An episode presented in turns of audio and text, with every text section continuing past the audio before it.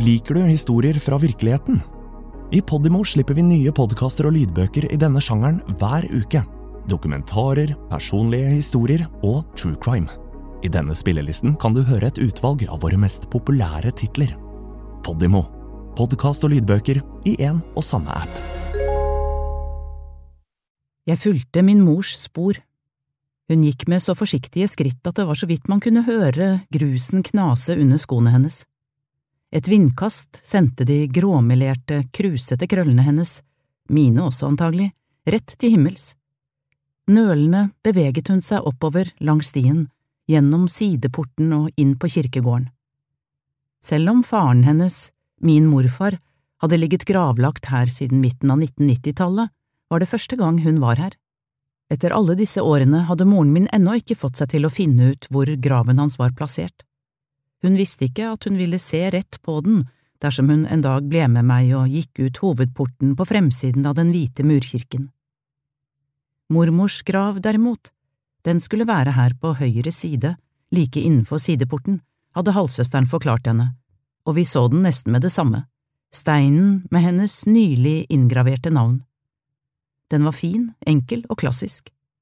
Moren min opplevde det ikke som noen selvfølge at hun fikk være med på å bære kisten ut fra det lille kapellet for noen uker siden. Heller ikke at navnene våre hadde fått stå i dødsannonsen.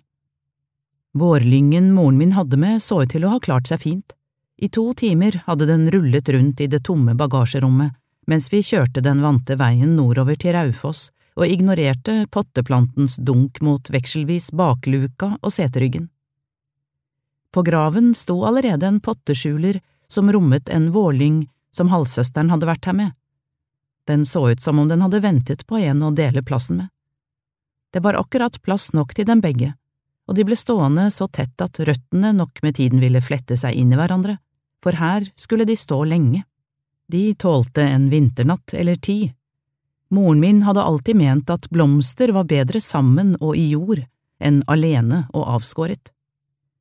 Mens mormor levde og vi besøkte henne i leiligheten noen hundre meter lenger oppe i bakken forbi kirken, hadde vi alltid hatt med en av disse blomstergruppene i flettet kurv, pyntet med kongler og rognebær. I 33 år fikk de være mor og datter, men før det hadde de vært adskilt i nøyaktig like mange år. To halve liv og så mye hemmelighold. Det kunne ha vært unngått dersom det man visste var galt, også var forbudt. Tenk om det var her hun hadde fått vokse opp, og ikke i det gule huset på den lille vestlandsøya. Hadde hun vokst opp her på Raufoss, ville hun ha fortsatt å hete Sonja, oppkalt etter kunstløperen og skuespilleren. I stedet ble hun, fra en dag til en annen, Marilyn, oppkalt etter en annen skuespiller.